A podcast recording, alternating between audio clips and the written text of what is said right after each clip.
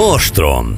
Tarjányi válaszol. A háború legfrissebb hírei, taktikai elemzés, logisztikai analizálás, a haderő felmérése. A stúdióban Tarjányi Péter biztonságpolitikai szakértő felel a hallgatók minden kérdésére. A mikrofonnál Vogyerák Anikó. Köszöntöm Önöket a szerkesztő Szabó Betti nevében is, és Tarjányi Pétert ezen a héten is köszöntöm a stúdióban. Én is üdvözlök mindenkit. Úgy tűnik, hogy felgyorsultak az események, legalábbis, hogyha az elmúlt napok híreit nézzük.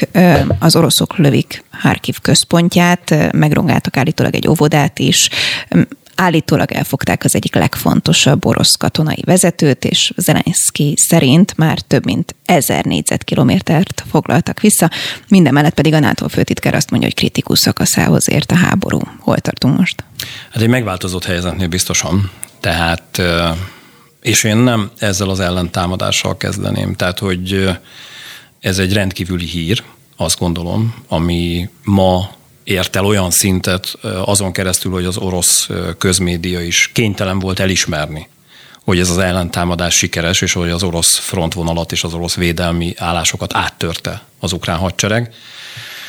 Mert hogy ilyen nem fordult még elő, hogy az orosz propaganda gépezet kénytelen volt valamit elismerni. De ez az egész történet nem itt kezdődött. Én azt mondom, hogy egy óriási megtévesztéssel állunk szemben, amit az elmúlt hónapokban az ukrán hadsereg tudatosan épített, és ebben mind, pedig, mind a brit, hírze, brit hírszerzés, mind pedig az Egyesült Államok hírszerzése is részt vett. Ha visszapörgetem az elmúlt heteket, vagy az elmúlt másfél-két hónapot, amikor erről beszélgettünk, azt láthattuk, és többször te is kérdezted, hogy ugye nagy hatótávolságú fegyverek érkeznek Ukrajnába, ezzel az orosz logisztikai központokat támadja Ukrajna, és én magam is, tehát, és én azt gondolom, hogy szerte a világon, és maga az orosz hadsereg is, ennek a megtévesztésnek, ami elsősorban ugye Dél-Ukrajna ellen irányult, tehát, hogy ezek a támadások, bedöltünk. Tehát elfogadtuk azt, hogy Herson térségében, Herson városában van egy ilyen zsák, amiben ugye 15-20 ezer orosz katona beszorult, és teljesen logikus módon azt gondoltuk, hogy ez lesz a támadás főiránya Ukrajna részéről, hiszen ezért lövik másfél hónapja már ezeket az állásokat, és bő egy másfél hete ugye megindult a támadás Herson térségében, hogy legutóbb múlt hét pénteken pont erről beszélgettünk, és ugye nagyon-nagyon óvatosan fogalmaztam én magam is, mert hogy hogy ténylegesen ugye Kárpátalján temették a magyar katonákat, akik Herson térségében ebben az ütközetben részt vettek, hogy azt gondoltuk, hogy az ellentámadás és az ellentámadás fő csapás iránya, ez ebben a térségben lesz. És ez így is volt néhány napig. Aztán lehullott a lepel, hogy egyébként valójában ez a támadás és a főcsapás iránya Kelet-Ukrajna. És Kelet-Ukrajnában egy olyan erőcsoportosítás jött létre rejtetten, ami kivárta azt, hogy mind Oroszország, mind egyébként az egész világ, és mi magunk is, tehát hogy ilyen szempontból én felvállalom, hogy én is bedöltem, úgymond ennek a, a, a trükknek, vagy ennek a dezinformációnak. Mert hogy úgy dezinformáltak, hogy tényleg támadtak Dél-Ukrajnában, tényleg elindultak hadműveletek, de egyébként azt kihasználva, hogy a hosszú-hosszú hónapok alatt maga az orosz hírszerzés is úgy értékelte, hogy azért támadják Dél-Ukrajnába az ő muníciós és logisztikai központjaikat, mert hogy itt lesz a főcsapás iránya. És azért vittek oda mobil bunkereket, emlékszel, erről is Igen. beszélgettünk. Ez azt jelentette, hogy a front más vonalairól nagyon komoly orosz egységeket elvontak, és azokon a helyeken, lásd például Kelet-Ukrajna és Harkiv térsége, meggyengült az orosz védelem, és eközben ezt megfűszerezte még egy nagyon komoly ilyen közlési, ilyen Pentagon, CIA, MI6 szakértői jelentések, amiben óvaintették Ukrajnát attól, hogy egyszerre több fronton indítson támadást. Miközben első pillanatok kezdve ez volt a terv. És, és bedölt mindenki, mert, mert ha az amerikaiak is azt mondják, hogy nem szabad több helyen támadni, akkor nyilvánvalóan egy helyen fognak támadni. Az ellentámadás hol indult el? Hersonba. Mindenki ott várta? Igen. Egy helyen indult el az ellentámadás? Igen.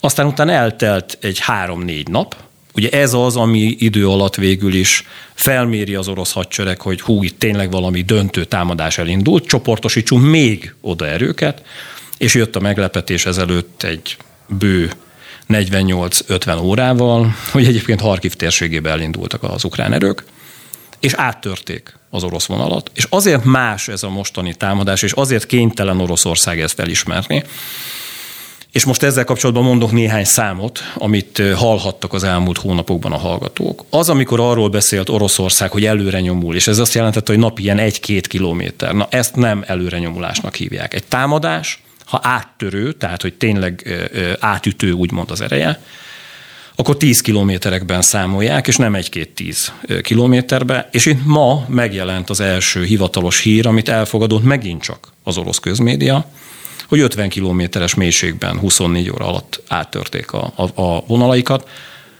és ez egy nagyon komoly tempó. Tehát 50 kilométeres előrenyomulással együttműködni, vagy együtt mozogni az orosz hadseregnek hihetetlenül nehéz. Tehát gondold el, hogy, hogy mire fölállítanál egy egységet, ami megütközne az ukránokkal, az ukránok már lehet, hogy 5-8 kilométerrel arrébb vannak. Tehát, hogy egyszerűen olyan nyomás alá helyezik ezekben a térségekben az orosz haderőt, hogy nem tudnak velük megütközni, és egyre-egyre hátrálnak, és egyre gyorsabban hátrálnak, és egyre nagyobb a menekülés miatt, mert ez átcsap menekülésbe, az összeomlás érzete, ami végig hullámzik az egész haderőn. És ugye volt egy nagyon fontos dolog, amit előbb mondtál.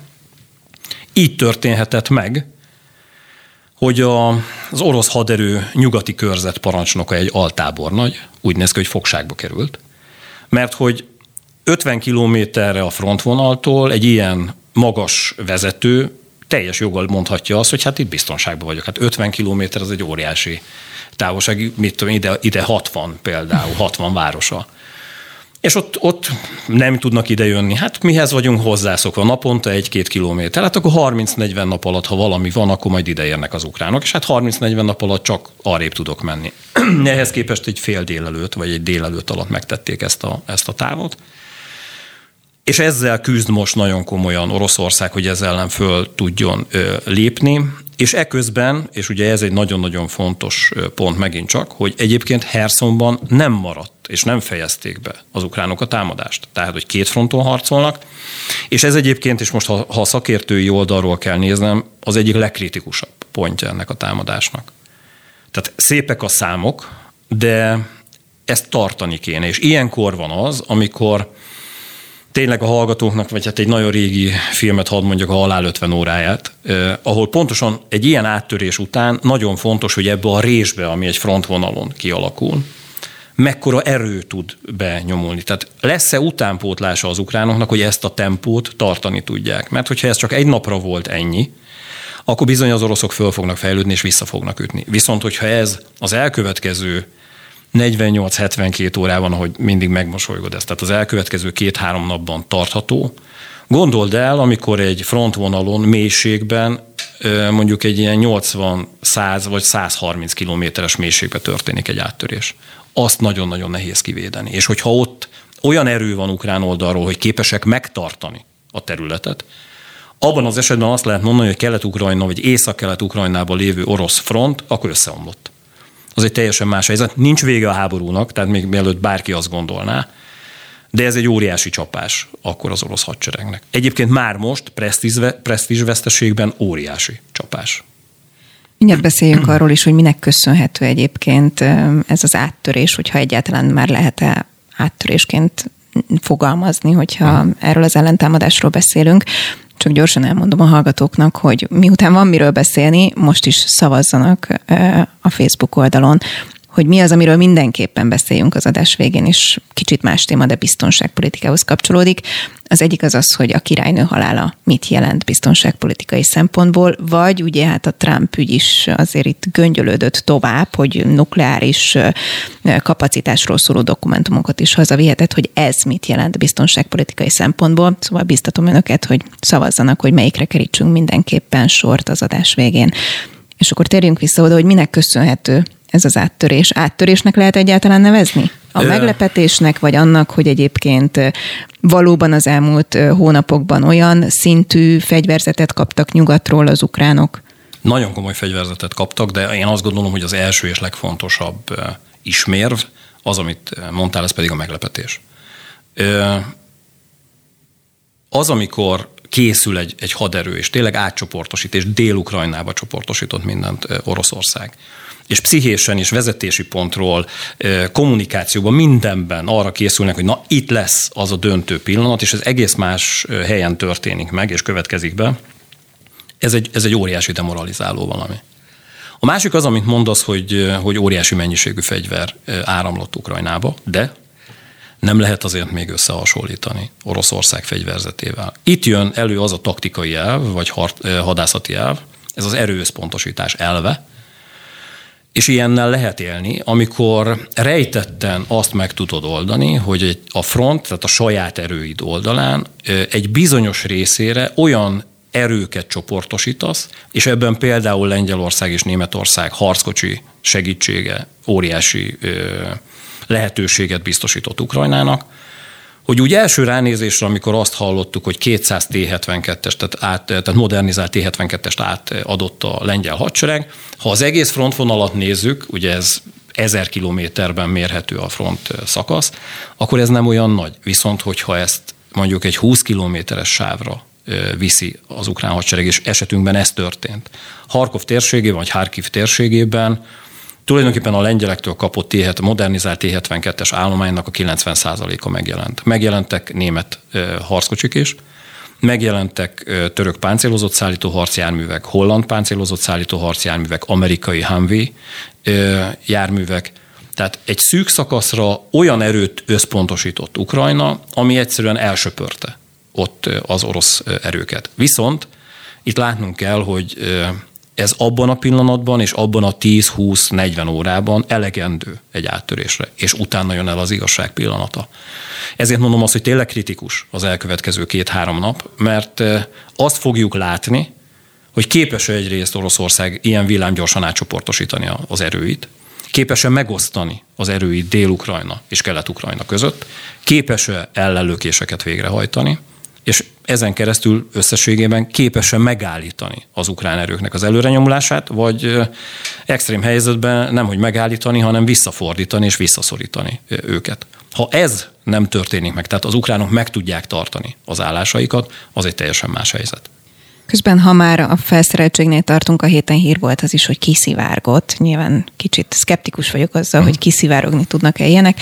Titokban a világ egyik legpontosabb fegyverét szállította Amerika Ukrajnának. Ez egy GPS irányítású és akkor mondom, hogy mi ez egy M982 Excalibur tüzérségi lőszer, bármit is jelentsen, ez mit jelent? Jó, ez azt jelenti, hogy ez egy, tehát ez egy lőszer, tehát nem fegyver, tehát magyarán nem tehát ez bele, betöltik valamibe. Ez egyébként 155 mm-es lőszer, és ezt azért gondolják egyébként ténylegesen egy nagyon komoly fegyverrendszernek, mert hogy ennek az eszköznek a GPS vezérlése azt biztosítja, hogy másfél-két méteres pontossággal talál el valamit. És hogy itt megint csak a számokról beszéljünk. Azt értsd, és azt kell megértenünk, hogy egy objektum, egy harcálláspont, egy taktikai egység megsemmisítéséhez rengeteg lőszerre van szükség a régi eszközrendszerek szerint. Ezzel rendelkezik tulajdonképpen Oroszország. Tehát most hadd mondjak egy konkrét példát, mondjuk egy szakaszerő, tehát egy 20-30 fős egységnek a megsemmisítéséhez, akik beásták magukat egy erődítésben, a régi eszközökkel adott esetben 150-200 lövést kell leadni ilyen ö, kaliberű fegyverekkel. Egyébként az orosz hadseregnek nincsen, nincsen 155 mm-es tarackia vagy ágyúja, náluk 152 mm van, illetve 122 mm. Az Excalibur fegyverrel egy lövés elegendő. Tehát itt jön az, amikor itthon is vannak szakértők, ugye, akik arról beszéltek, hogy Oroszországnak félelmetes mennyiségű muníciója van, és ez a muníció elegendő ahhoz, hogy havonta egy millió lövést leadjanak. Igen, egy millió lövéssel mondjuk meg tudnak semmisíteni 1500-2000 objektumot. Az ukránoknak meg lehetséges, hogy van 3000 darab lövedékük, és ez a 3000 darab lövedék pontosan ugyanarra képes, mint ami az oroszok 1 millió lövedéke. Tehát, hogy ezt kell megértenünk, és ezért fontos az, hogy amikor egy ország ilyen típusú fegyvert kap, vagy ilyenfajta muníciót, lőszert, egy eszközzel ez a klasszikus, hogy egyszer céloz, egyszer talál, és megsemmisül a másik oldalon minden. Ez az, amire egyébként az ukrán hadsereg képes, és A másik, hogy ez egy olyan fajta lőszertípus, ami egyébként megnövelt hatótávolsággal bír, ami azt jelenti, hogy a legegyszerűbb 155 mm-es ágyújuk is ami az ukránoknak eddig tudott 15-20 kilométert, most már 40-50 kilométert fog tudni. Az oroszok legfejlettebb fegyverrendszereim ott vannak a fronton, azok képesek 40-50 kilométerre. Az ukránoknak a legegyszerűbb fegyverrendszere is képes lesz ezzel a, a lőszerrel 40-50 kilométeres távolságot áthidalni. Nem véletlen nyilván, hogy Zelenszky azt kéri, hogy na most is támogassa őket a nyugat, továbbra is kapjon mindenféle erősítést. Egyrészt erre számíthat-e szerinted annak kapcsán, hogy most úgy tűnik a nyugat szempontjából is, hogy nem hiába költék oda a sok segítséget, hiszen ez most egy kvázi egyelőre sikeres ellentámadásnak tűnik. Másrészt azért beszéljünk arról is, hogy volt a napokban egy sikertelen partra szállás, hogy ott mi történt. Eh, ahogy korábban is mondtam, hogy a háború nem csak a harcmezőkön zajlik. Logisztikai szempontból, tehát ugye az utánpótlás szállítás, a toborzás és egyáltalán a mozgósítás, hogy hogy sikerül, és amiről beszéltünk, hogy a kommunikációs térben is nagyon komoly háború folyik. És nyilván ez ránk nem igaz, mert hogy a műsor tényleg egyre többen hallgatják, hála jó Istennek, de azért az látható, hogy a, a világ politikusai és a közvélemény egy része elkezdett fáradni a háborúhoz kapcsolódóan. Ez ellen próbálnak Zelenszkijék a kommunikációs hadviselésben tenni, tehát hogy állandóan a propaganda gépezet, az ukrán propaganda gépezet dolgozik. De figyelj, hát te kommunikációs szakember vagy, hát mit lehet a legjobban adott esetben a világnak bemutatni? Hát egy győzelmet. Hmm, persze. E, és hogy lehet fölrázni igazán az embereket, hogy van remény, van esély, megint csak egy győzelemmel. Egyébként ezért mondom azt, amit a beszélgetésünk elején mondtam, ugye a, pressz, a presztízs veszteség kapcsán, hogy, hogy Oroszország, még ha vissza is szorítja Ukrajnát ebben a támadásban, kommunikációs szempontból megint egy nagyon komoly ütközetet elveszített. Mert hogy bebizonyosodott, hogy az inváziós erő, amelyik folyamatosan támadásokat hajtott végre, amelyik egyébként ha napi egy-két kilométerrel is, de, de folyamatosan ment, és el tudják mondani, hogy fél év után ránézünk Ukrajnára, és Ukrajna 20%-a azért csak Oroszország kezében van. Most azzal szembesül, hogy egyébként az eddig védekező erő képes bizony támadásra. És ez azért nagyon fontos, mert ezzel tudja azt megmutatni Zelenszky és az ő gépezete, politikai és propaganda és kommunikációs gépezete, hogy adjatok még fegyvert, mert ha kapunk, azzal tudunk győzni. És nem arról van szó, hogy ez egy soha véget nem érő történet, amiben ti csak öntitek zsákszámra bele a pénzt, a muníciót, tényleg készpénz, mindent. És egyszerűen pestélyesen szóval besokaltok ettől, mert, mert ez tényleg mint a, a homokra öntenéd a vizet, hanem azt lehet mondani, hogy nézzétek meg, kaptunk ilyen támogatást, ezzel el tudtuk érni. Ha háromszor ennyi támogatást kapunk, akkor vége a háborúnak. Te mire számítasz? Fel lehet kvázi rázni a nyugatot? Ahogy... Szerintem igen. Tehát ez, ez, a, ez a mostani helyzet nagyon kellett az ukránoknak. Ők ezért csinálták ezt meg, és ezért van az, hogy egyébként eh, valahol az ellenszkijéknek nem számít, hogy például a Hersonban pokoliak a veszteségeik. Tehát, hogy ez benne van. Tehát annyira kell Ukrajnának, hogy, hogy ez be lett árazva, hogy ez, ha komoly veszteségekkel jár, akkor is meglépik. És én azt mondom, hogy bármi is történik az elkövetkező 48 és 72 órában, az, hogy Ukrajna meg tudta, meg tudta lepni Oroszországot így, az, hogy adott esetben tényleg elkapták az egyik fő vezetőjét az, az orosz hadseregnek. Tehát ezek, ezek nagyon jól kommunikálható és jól felhasználható a katona diplomácia tárgyalásai során az ukránok részéről. Tehát én azt gondolom, hogy ez megnyit megint csak nagyon komoly pénztárcákat és komoly fegyverszállítmányokat, ami miatt bajban lesznek az oroszok. De továbbra is állítom, hogy mind a NATO, mind az Európai Unió oldaláról tényleg patika mérlegen nézik állandóan, hogy nehogy az történjen, hogy Ukrajna túlnyeri magát, és Oroszország annyira berág ezen, tehát hogy annyira a vereség közelébe sodródnak, hogy adott esetben a legextrémebb fegyvert, mondjuk egy tömegpusztító fegyvert is bevetnek az ukránok ellen. Tehát ez azért ott van a mérleg nyelvében, de az elkövetkező időszakban ö, könnyebb lesz bizonyos szempontból egy kicsit a helyzete a kommunikációban Zelenszkijéknek. Ezen valami nagyon nagy áttörés kellene, és tudna változtatni orosz oldalról, de per pillanat, tehát mostani helyzetben én nem látok ilyet. Van ehhez kapcsolódó hallgatói kérdés. Jó. Azt kérdezi a hallgató, hogy igaz-e az, hogy az oroszok a megszállt területekről visznek, soroznak be ott élő állampolgárokat a frontvonalba? A besorozásról nem hallottam, de az, hogy elvisznek embereket, ez sajnos hónapok óta zajlik. Én azért... A frontvonalra, ugye? De nem a, a frontvonalra, hanem, hanem a hátországba viszik. Tulajdonképpen egy lakosságcsere zajlik Ukrajna egyes területein. Az ukránokat elviszik Oroszország nagyon-nagyon távoli részeire. Ez egyébként a Szovjetunióban Sztálin idején rendszeres volt. Például a balti államokból megközelítőleg 600 ezer embert vittek el egy hét alatt, 1940-ben például az Urál mögé, és jó részük nem tudott onnan visszajutni az, az anyaországba, a szülőföldjére. Tehát ez egy olyan stratégia, amit követ Oroszország, és vannak ezzel kapcsolatban számok, de én ezeket kellő távolságtartással nézném, mert hogy nyilván Ukrajna abban érdekelt, hogy itt gigaszámokat mondjon, de nem ezres számról beszélnek, nem is tízezres, tehát én azt gondolom, hogy ilyen, ugye ők közel egy millió emberről beszélnek, én azt gondolom, hogy ezt tízzel azért el kéne osztani, de az is sok, amikor 100-150 ezer embert kiköltöztetnek és elviszik Ukrajnából, és elviszik őket Oroszországba, és a helyükre pedig orosz állampolgárok érkeznek. Ez, ez létező valami, de a frontvonalra nem viszik ki őket. Egyszerűen nem bíznak bennük.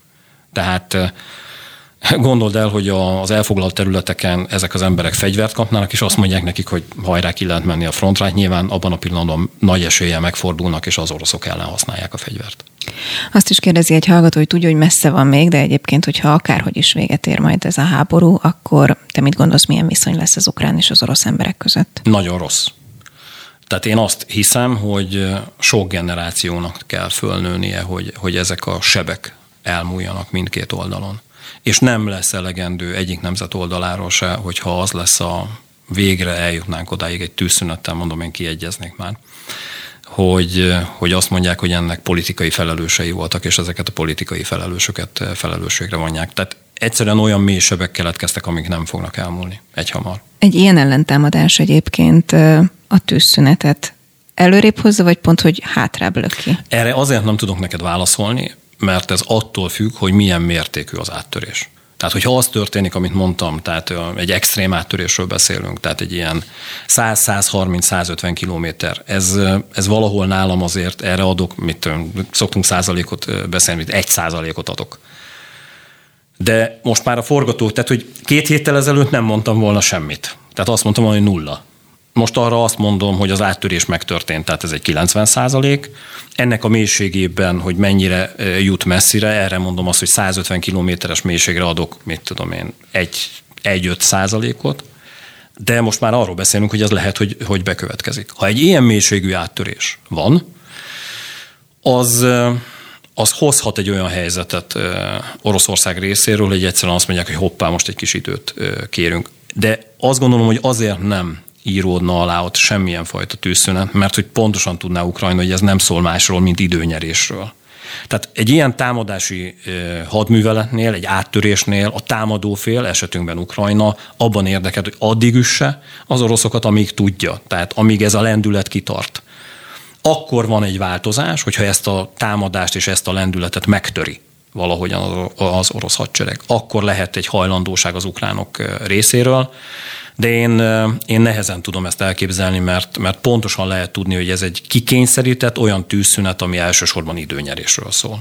Több videót lehetett látni egyébként az uh-huh. elmúlt órákban a közösségi oldalakon és hírportálokon is. Ezek mennyire lehetnek hitelesek? Ezek ugye azt mutatják, hogyha bárki beüti, akkor láthatja, hogy kvázi, mint hogyha magáról egy tankról, vagy nem tudom, hogy mi a szak neve készítették volna a felvételt. Ilyen, ilyen videókat nézegetsz. Hát ezt is tudjuk. és, és magát ezt a, ezt a lerohanást, ezt az áttörést próbálták az ukránok megörökíteni. Ennek csak kommunikációs célja van, hogy akkor ez elterjed, és akkor látható ez az erő, vagy egyáltalán ez életszerű, hogy akció közben katonák felvételeket készítenek? Több videót én is megnéztem, tehát én elvállalom, Te hogy... is ilyeneket nézegetek? én ilyeneket nézegetek, igen. Volt olyan a videók között, amit egy kicsit távolságtartással szemléltem. Tehát, hogy egy kicsit olyan, olyan nem is az, hogy megvágva, hanem, hanem lőttek, ez elsősorban a csecsen videóknál szokás, tehát, most egy, tehát egy kis színes, így biztonságpolitikából, tehát a csecsenek rendszeresen olyan támadásokat videóznak le, ahol lőnek egy épületet, és egy lövés nem jön vissza, és hihetetlen lendülettel harcolnak, és szétlövik tulajdonképpen a nagy semmit. Egy-két ilyen ukrán videót láttam ezzel kapcsolatban most, ahol, ahol felmerült bennem az a gyanú, hogy a nagy semmit lövik. Volt viszont néhány olyan videó, ahol jól látható volt, hogy van valamilyen fajta ellencsapás, tehát hogy visszalőttek. Azok azt gondolom, hogy, hogy hitelesek. És az, amikor ilyet látsz, hogy, hogy, hogy látod közvetlenül, hogy ott mi történik mondjuk egy ilyen harcjárműben, ez azért lehetséges, mert vannak egyébként olyan kamerák, tehát testkamerák, amelyeket a, az irányot, irányítók viselnek, és ezeknek a képe akár dokumentációs szempontból, akár, és ez különleg, a különleges műveleti egységeknél abszolút bevett dolog, hogy az irányító központban látják mm. azt, amit egyébként a, a katona operátor ugye lát, és ilyen szempontból használják is azt a felvételt. Tehát nem sok ilyen testkamerás felvételt láttam egyébként itt a háború alatt, de vannak olyan hitelesnek mondható videófelvételek, amiben ténylegesen az bizonyossággal lehet állítani, hogy az ukránok eléggé dinamikusan és jól harcolnak. Sőt, annyira jó, hogy, és akkor itt már megint akkor szkeptikus leszek, hiszen a napokban volt az is hír, hogy egy amerikai tábornok nyilatkozott arról, hogy na hát, hogyha ez így megy tovább, akkor egy éven belül még a krímet is vissza lehet szerezni. Akkor ez is most csak egy ilyen buzdító kommunikáció, vagy ennek van bármi alapja?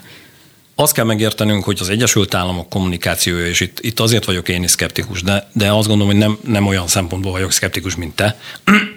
Tehát, hogy én azt hiszem, hogy nagyon-nagyon sok esetben az Egyesült Államok az ukrán kormányzat politikai és katonai kommunikációját támogatják.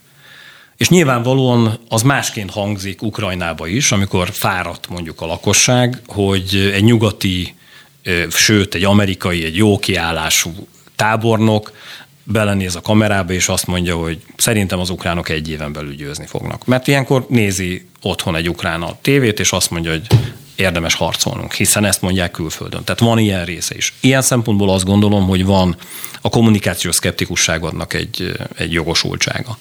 Amit én biztonságpolitikai szempontból mondok, az egy vízválasztó, és, és nagyon-nagyon óvatosan kezelném és figyelném azt, és, és félek is ettől, hogyha ha Ukrajna úgy dönt, hogy ők, és ezt folyamatosan mindig mondják, és én ettől mindig tartok is, hogy a Krimfélszigetet ők meg akarják szerezni, és vissza akarják szerezni. Az egy olyan vörös vonal, és azzal kapcsolatban ténylegesen Oroszország többször leadta úgymond idézőjelbe a figyelmeztető lövést, hogy, hogy sok mindent elfogadnak. Elfogadják azt is, hogy az ukránok ellen támadnak, elfogadják azt, hogy amerikai fegyvereket kapnak, illetve nyugati fegyvereket de a Krímfélszigetről nem akar lemondani Oroszország. És ezért vagyok én szkeptikus, tehát hogy ezt egy amerikai tábornok ne tudná, hogy, hogy egyébként az oroszok ehhez a kérdéskörhöz hogy állnak. És ennek ellenére így bele mondja a kamerába, és azt mondja, hogy simán vissza fogják foglalni. Egyrészt én azt gondolom, hogy nem annyira könnyű a Krimfélszigetet visszafoglalni, másrészt az egy olyan vörös vonal, amiben megint csak azt mondom, és ezt egyébként Putyin is jelezte, hogy ha a Krimfélszigetről van szó, átlépik ezt a határt az ukránok, akkor játszik a tömegpusztító fegyver oldaláról a taktikai atomfegyver. És ez, ez, ez nem játék. Na, egy picit lépjünk hátrébb, és aztán úgyis Jó. visszatérünk majd az orosz-ukrán háborúhoz, mert hogy sok minden más is történt ez alatt a héten. Például már vannak, akik új hidegháborús blokkról beszélnek. Ugye az indiai kormány csütörtökön tudatta közleményben azt, hogy az indiai és a kínai csapatok megkezdték a kivonulást a nyugati Himalájában. Mi történik ott? Egyrészt beszéljünk a térségről. Azt kell látnunk, hogy India és Kína az ázsiai, tehát távol-keleti térségben egyre inkább két szuperhatalom. Nyilvánvalóan ö, terjeszkedési ö, potenciállal, akarattal egész Ázsiára vonatkozóan. Nagyon-nagyon komoly népességgel, egy, egy hihetetlen demográfiai ugrással, amiben rengeteg fiatal van, ami nyilvánvalóan az olyan társadalmakban, ahol rengeteg fiatal van, a hadsereg erősödését és a rendvédelem erősödését hozza saját védelmi iparák fejlesztéssel, aminek a kapacitása mindkét ország tekintetében az elmúlt húsz évben szinteket, és nem egy szintet ugrott. És eddig volt egy olyan fajta hát a nyugat oldaláról és a NATO oldaláról és az Egyesült Államok oldaláról egyfajta nyugalom, hogy hát a klasszikus római béke, ugye Pax Romana, oszd meg és uralkodj elve mentén. Tehát ha van két ilyen szuperhatalom, ami abban a térségben van, és ilyenfajta kapacitásokkal rendelkezik, akkor egy picit, hogyha odafigyelünk arra, hogy mindig összeugorjanak, és egyébként önmaguktól is összeugranak egymással, akkor olyan nagy baj nincs, mert hogy hol az egyiknek, hol a másiknak teszünk gesztusokat, és akkor van egy ilyenfajta status quo, egy ilyenfajta egyensúly, amiben nem kell annyira félnünk. Akkor van baj, amikor két ilyen hatalom egymásra talál. És azért gyülekeznek a viharfelhők, mert hogy például a Himalája térségében ugye egy 3800 kilométeres határszakaszról beszélünk India és Kína között, és hát az utóbbi 20-30 évben rengeteg határvillongás volt, egyébként most vagy tavaly, vagy tavaly előtt most egy kicsit itt összefolynak a, a, a dátumok. Volt is egy nagyon komoly összecsapás, ami azért érdekes, mert több halott volt, közel 20 vagy 20-nál több halott indiai oldalról, és négy vagy öt kínai halott, és azért érdekes, mert azt is, hogy annyira nagy volt a feszültség, hogy a két ország nem most sok-sok évvel ezelőtt megegyezett, hogy vannak olyan határterületek, ahol nem járhatnak sem kínai, sem indiai határőrök fegyverrel. Mert hogy egyszerűen rendszeresen lőttek egymásra, tehát jobb, hogyha nincs abban a térségben. Fegyver, és sikerült, most idézőjelben a siker, egy ilyen területen úgy összeverekedniük, hogy ennyi halott lett ott a helyszínen. És akkor mondta mindenki azt, hogy, hogy lám, lám, ez a feszültség, amiről előbb beszéltem, hát ez hihetetlen módon a térségben jelen van. És például ez is egy olyan epizód volt, aminek kapcsán azt gondolta a világ, hogy hát ha ilyenek előfordulnak, akkor ilyen nagy barátkozás és összeborulás elképzelhetetlen. Na ez most megváltozott ezzel az ukrán háborúval. És azt kell megértenünk, hogy pontosan ez mutatja meg, hogy mennyire bonyolult a világunk, és mennyire minden mindennel összefügg. Hogy azáltal, hogy Oroszország Ukrajna ellen háborút kezdett, és azáltal, hogy Ukrajna mellett, mellett és mögött a nyugat és az Egyesült Államok felállt, és Oroszországgal szembe ment, azt érzi India és Kína, hogy lehet, és ahogy a cikkben is egyébként, vagy amit, amit ugye idéztél, és mi is beszéltünk ugye a tömbösödésről, hogy lehetséges, hogy érdemes megpróbálni, hogy, hogy összefognak. Tehát a világ második és harmadik katonai hatalma. Ha, ha nézzük ugye a nyugat atomhatalmait, ezzel szemben mind a három, tehát India is, Kína is és Oroszország is atomhatalom. És nem is kicsi atomarzenállal jelentkeznek, hagyomány, vagy, vagy bírnak. Hagyományos fegyverek oldaláról is nagyon komoly fegyverrendszerekkel. Hogyha így ránéznek egy lapra ezek a stratégák mindegyik oldalon, és csak egy olyan számítást elvégeznek, hogy mi van abban az esetben, ha csak így papíron összeadjuk ezeket. Hú, hát milyen számok jönnek? Hát bizony ez már olyan szám, ami bizonyos területeken felülmúlja. Nem hogy az Egyesült Államokat, hanem a nyugati civilizáció katonai erejét. És erre éreztek rá, és ezt, ezeket a számításokat, ezt higgyék el nekem a hallgatók gazdasági szempontból is, és nyilván nem kockás papíron, hanem nagyon komoly műveleteken keresztül ezt végignézték. És Oroszország egyébként egy nagyon komoly diplomáciai stratégia mentén elkezdte ezeket az országokat maga mellé állítani, és azt mondja nekik, hogy igenis meg lehet próbálni azt most, hogy azt a fajta egypólusú világrendszert, és itt most nem csak az Egyesült Államokra gondolok, nem, hanem, hanem a nyugati társadalom és úgymond a nyugati civilizációnak a bolygóra kiterjedő hatását lehet, hogy meg lehet változtatni. Nem egy nap alatt, nem is egy év alatt, de hogy az elkövetkező 10-20-30 évben ezzel érdemes próbálkozni. Együtt. És erre jó példa most az, amit itt látunk India és Kína oldaláról. Nyilván ha ezt mi itt látjuk a stúdióban, akkor ezt látják az Egyesült Államokban, Washingtonban, ezt látják Brüsszelben, tehát ezzel ellen higgyék el a hallgatók, hogy nagyon komoly lépések indulnak. Ezért nagyon nem mindegy, hogy például az Európai Unión belül egységesek vagyunk, vagy egy ilyen széthúzó, nem is tudom, ilyen össze-vissza országoknak tűnik az Európai Unió, mert hogy ha azt látják, hogy egység van, akkor nyilvánvalóan elgondolkodnak, hogy azért belemenjenek egy ilyen fajta gazdasági, logisztikai, kommunikációs és mm, remélem, hogy nem, de végig kell játszanunk forgatókönyv oldalról, akár egy nyílt háborúba is. Ha egység van, akkor nem mernek ebbe belemenni. Ha nincs egység, akkor viszont meg fogják próbálni.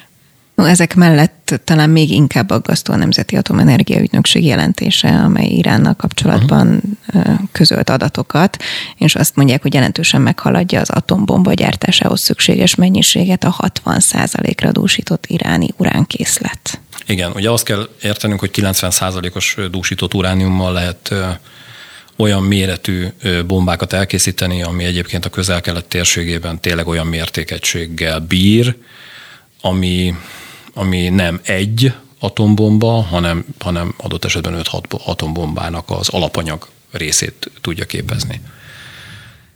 Az elmúlt évtizedekben elképzelhetetlen volt, hogy ilyen 60%-os szintre eljusson Irán, és azért komoly ez a bejelentés, mert hogy szerintem három héttel ezelőtt beszéltünk, és akkor mondtam neked azt, hogy várjuk ki a végét, mert lehet ez egy dezinformáció, mert hát az, tehát mindenki hazudik a világban, mindenki szeret nagyot mondani.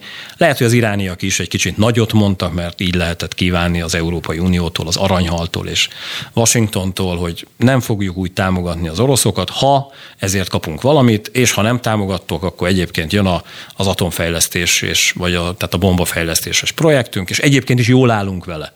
És ez eddig nagyon sokszor volt, hogy ezt mondták, és utána kiderült, hogy nem. Most úgy néz ki, hogy ez nem dezinformáció volt, és nem nagyot mondás, hanem ténylegesen itt komoly lépések történtek Irán oldaláról. És ami rossz, hogy a tömbösödés mentén, abban a tömbben, amiről beszéltünk Oroszország, Kína és India kapcsán, Irán ehhez a tömbhöz húz, és ebben a tömbben találná meg egyébként az ő helyét és szerepét. Úgyhogy ez nem, nem jó hír, Nyilván ez nem azt jelenti, hogy 90%-on vannak, de nagyon érdekes, hogy eddig az a néhány százalékos, tehát ez a 2, 5 vagy 10 százalékos kapacitás, amivel rendelkeztek, arról eljutni a 60 százalékra, az években mérhető. 60 százalékról eljutni 90 százalékra, adott esetben hónapokban. Egy-két hónapban mérhető. Úgyhogy az, amit gondolok, és eddig, ami, és ez most egy kicsit ilyen jóslás kategória, és tényleg elnézést kérek a hallgatóktól, mert nem szoktam ilyet tenni. Általában, ha baj volt, és úgy nézett ki, hogy nagyon-nagyon kezd célegyenesbe fordulni Irán, akkor valami történt az atomprojektjeikkel. Vagy meghaltak a tudósaik, vagy valami történt ezekkel a centrifugákkal, amik segítik, hogy dúsítani lehessen a, a, az urániumot. Ebben azt mondták, hogy az Egyesült Államoknak volt szerepe, de leginkább Izraelt látták, és én azt gondolom, hogy lehet, hogy jól látták, tehát lehetséges, hogy az elkövetkező időszakban lesz még néhány héten belül egy beszélgetésünk. A tekintetben, hogy mi történt Iránban, és miért állt le hirtelen ez az egész programjuk. No, ehhez a tömbösödéshez kapcsolódóan van egy nézői kérdés a YouTube-on. Azt kérdezi a néző, hogy az EU-ban már többször szó volt egy európai hadsereg létrehozásáról a nemzeti hadseregekből. Azért, hogy ne függjünk Amerikától, kivitelezhető lehetne-e egy ilyen egységes EU hadsereg, és egyáltalán a NATO mellett van-e létjogosultsága? Most, az, én teszem hozzá. most azt gondolom, hogy nincs. Kéne. De azt kell látnunk, hogy döbbenetes változáson ment az elmúlt hat hónapban ez a kérdéskör is végig. Tehát Gondold el, hogy lehet, hogy mi is beszélgettünk egyébként itt a Spirit fm tavaly, hogy fölhívtatok, akkor még nem volt így, hogy közös műsorban szerepeltünk, és az afganisztáni kivonulással uh-huh. kapcsolatban Igen. szerintem kérdeztél. Megvan. Biztos. Biztos. És akkor abszolút arról beszéltem, hogy a NATO egy ilyen széthulló idejét múlt valahogy nem találja magát ilyen szervezetként működik, és bizony tavaly ilyenkor arról volt szó, hogy hú, erősödik az európai hadseregek, és egy, egy központi európai hadsereg létrehozása. És kéne is, mert hogy a NATO nem úgy működik. Ez ma már nem igaz. Tehát pont az ellenkezője történt. Ez a háború, például ha a hatásokat nézzük, nagyon komolyan megerősítette a, a NATO-t, és ilyen szempontból elsősorban most a NATO országoknak az az érdekük, és az Európai Uniós országoknak is, hogy ez működjön jól, ami egyébként, és ezt jól érzi a hallgató, vagy néző, ez egyébként annyira az Egyesült Államoknak nem fáj, mert így, ahogy ő kérdezte és fogalmazta, egyébként hosszú távon ez függőséget jelent. Igazán Európának, és akkor most tényleg lépjünk hátra, ahogy mondtad, lépjünk hátra ettől a helyzettől. Európának a legnagyobb problémája az az, hogy nem találja saját magát. Európa függ Oroszországtól a gáz miatt. Európa függ most fegyverzeti és mindenfajta szempontból az Egyesült Államoktól. Európa függ Kínától kereskedelmi szempontból. Európa valahogy mindenkitől függ. Miközben Európa egy jó hely, mert hogy a migráció szempontjából láthatjuk, hogy mindenki ide akar jönni, mert hogy ez tényleg jól működő, jó egzisztenciát és egyáltalán egy olyan stabilitást mutat, amiben jó élni jó megszerezni adott esetben ezeket a társadalmakat és ezeket az országokat, és valahogy Európa úgy, úgy, úgy, úgy nem tudja magát megvédeni. Ez az igazság. És ez az, ami miatt gondolták annak idején bő egy éve is, hogy erre egy európai hadsereg lenne a jó válasz, erre kitört a háború, és most kénytelenek vagyunk, tehát ez a szükség az Egyesült Államokkal jobban együttműködni. Ez van, de de mivel nincs ingyen ebéd, meg egyébként hosszú távon ez nem jó, ezzel, ha vége van a háborúnak, valamit kezdeni kell. Van még egy fontos térség, a közel-kelet. Erről is cikkeztek egyébként a héten, leginkább arról, hogy hát káosz van, de mégis van egy erős ember újra. Mi történik a közel-keleten? Azt látjuk, hogy, és én ezt többször mondtam már egyébként, mind a politikában, belpolitikában, külpolitikában, és egyébként a biztonságpolitikában is van egy nagyon komoly fogalom, ez pedig a légüres tér fogalma, és például most hadd mondjam azt, amikor az Egyesült Államok kivonult Irakból, nagyon sokan azt gondolták, hogy, hogy, hogy ez egy olyan légüres tér, ami, ami úgy, úgy jó. Csak a légüres térnek van egy olyan helyzete, hogy egyébként, és ez különösen a biztonságpolitikára igaz, hogyha megjelenik egy ilyen légüres tér valahol, oda hú, abban a pillanatban valami beáramlik, valamilyen erő. Mert egyszerűen azt érzi, hogy ott valamit tehet. Így volt egyébként 2014-15-16-ban, amikor az iszlám állam terrorszervezet Észak-Irakban, Észak-Szíriában ezt a légüres teret kihasználta, hogy az Egyesült Államok onnan kivonult, és pah, egy villanás alatt megjelent. És hát ezzel volt is bajunk. És ugyanez látszódik egyébként, hogy Törökország, Szíria, Irak, Irán birkózik egymással a, a térségben, és rengeteg ilyen, ilyen erővektor mentén, hol egymás mellett, hol egymás ellenében, tehát hogy ez a klasszikus, tehát a közelkeleti mix, ez a káosz a köbön. És ebben feltűnnek így emberek, akik próbálnak valahogyan teret nyerni és rendet tenni, és ennek az az oka, és itt megválaszolom az alapkérdésedet, hogy miért van ez, mert hogy egyébként akik ott élnek, szeretnének már végre normálisan békében élni, és valahogyan szeretnék ezt a káoszt lezárni. És így jelennek meg ilyen önjelölt emberek, vagy adott esetben tudnak toporozni maguk mellé sok-sok ezer, sok tízezer követőt, akik elkezdenek velük együttműködve azért vele, velük menetelni, mert azt szeretnék, hogyha újból normális életük lenne és béke. Ez zajlik most. Közben nyilván újra és újra felmerül a kérdés, most is látom a YouTube-on, hogy ezek a közelgő háborúk mennyire érinthetik Európát, illetve minket.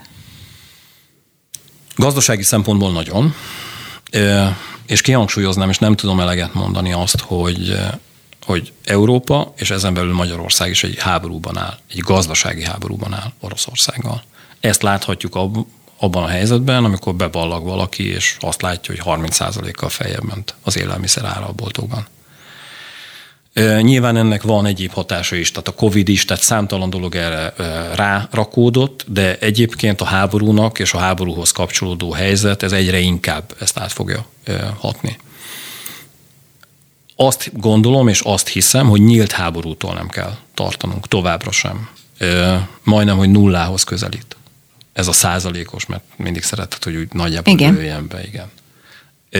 A gazdasági háború az egyre erősebb lesz. Tehát igazán Oroszország azt szeretné látni, hogyha ebben a gazdasági háborúban, főleg így, hogy közeleg a tél, megroppanna Európa gazdasága, és ezen keresztül Európa úgy döntene, és ennek bizonyos jeleit például Csehországban, Németországban már lehet látni, tehát zúgolódnak a, a polgárok, és adott esetben arról is beszélnek, hogy valamilyen fajta kormányváltás, politikaváltás, valami másra lenne szükség. Hogyha ez megtörténik, akkor ez automatikusan hozza azt, hogy lehet jutalmazni ezt.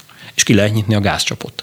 És lehet azt mondani, hogy nézzétek, hát van energia, van fűtés, van villany, minden, de jó. Látjátok, jó, jó gyerekek voltatok, megsimogatom a buksit, és innentől kezdve jók voltatok.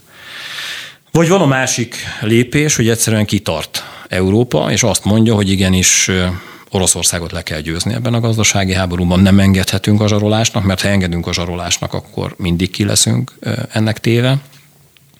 És ez egy nagyon-nagyon nehéz út, amiben vagyunk, rengeteg munkahely fog megszűnni, cégek fognak tönkre menni, és igazán erre fog az elkövetkező hónapokban választ adni Európa nagyon-nagyon sok társadalma. De nyílt háborútól én azt gondolom nem kell tartanunk.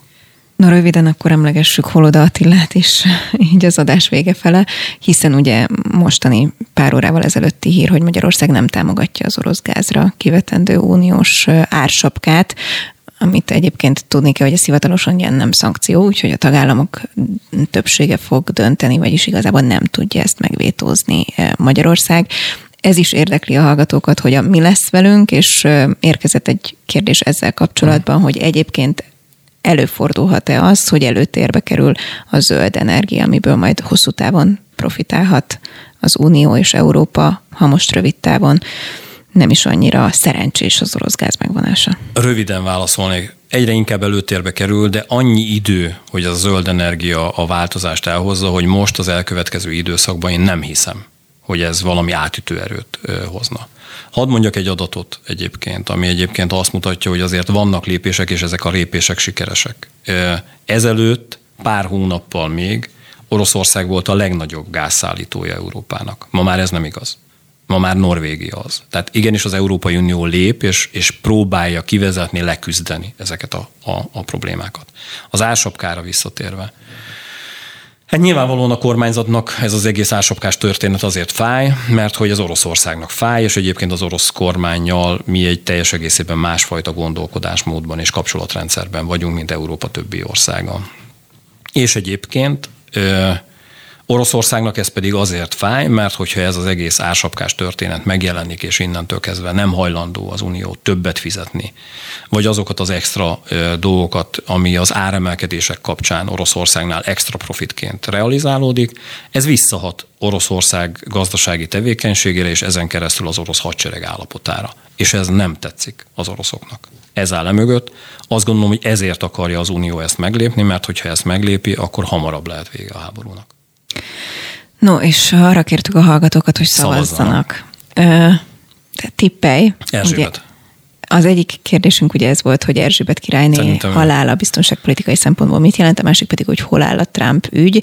És képzeld el, hogy 51 kal nyert a Trump ügy. Nem már, én mindig de ez, eldövöm. De ez annyira, de ez annyira ö, kevés szerintem, hogy igazából mindkettőre kíváncsiak a hallgatók, úgyhogy az van, hogy legyen mondjuk ilyen kettő-kettő vagy három-három perc mind a kettőre, jó? Akkor Kezd... kezdjük a trump ha Kezdjük? már ezt szavazták jó. meg, persze, jó? jó hogy... Kezdjük Trump-al. Ugye a Trumphoz kapcsolódóan itt uh, extrém uh, dokumentumokról is beszéltek, ugye múlt héten Macron, francia elnök hálószobatitkairól volt szó. Na most már egy kicsit komolyabbnak tűnik az ügy. Emellett, tehát, hogy azt ugye nem vetették el, tehát, hogy emellett egyébként úgy néz ki, hogy az elnök azokat a hírszerzési jelentéseket és azokat a hírszerzési jelentéseket, amelyekben konkrétumok szerepeltek a tekintetben, hogy egyes bolygón lévő atomhatalmaknak a konkrét atomarzenája milyen állapotban van, hát ezt is hazavitte. És igazán nem is az a lényeg ebben, hogy, hogyha egy ilyen jelentés otthon van, hogy most azt tudja, hogy Oroszországban 6411 darab működőképes atomtöltet van,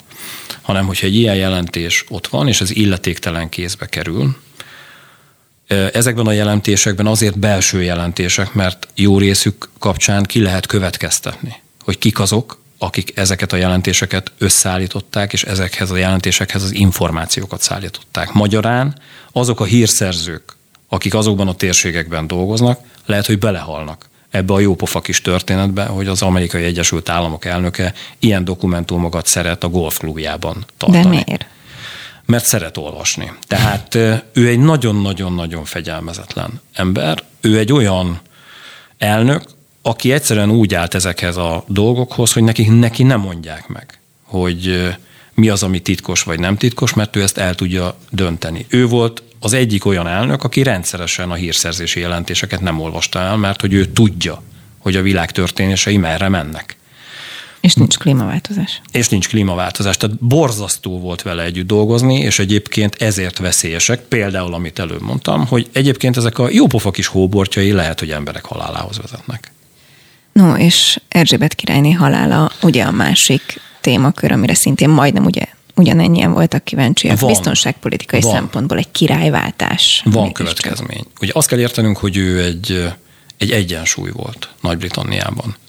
És Nagy-Britannia nem csak a Brexit, már a Brexit előtt is ö, nagyon komoly belső feszültségekkel küzd. Egy példát hadd mondjak. Ö, Skócia és Írországhoz kapcsolódóan. Valahogy egyébként a királynő akkor is, hogyha egy nagyon markáns véleményt fogalmazott meg, ő volt a királynő, és egyébként volt tisztelet, és nagyon sokszor, ha megszólalt, még akkor is, ha óvatosan tette, azért úgy elfogadták, és egyébként ez úgy rendben lévő volt. A fiához kapcsolódóan ez nem mondható el.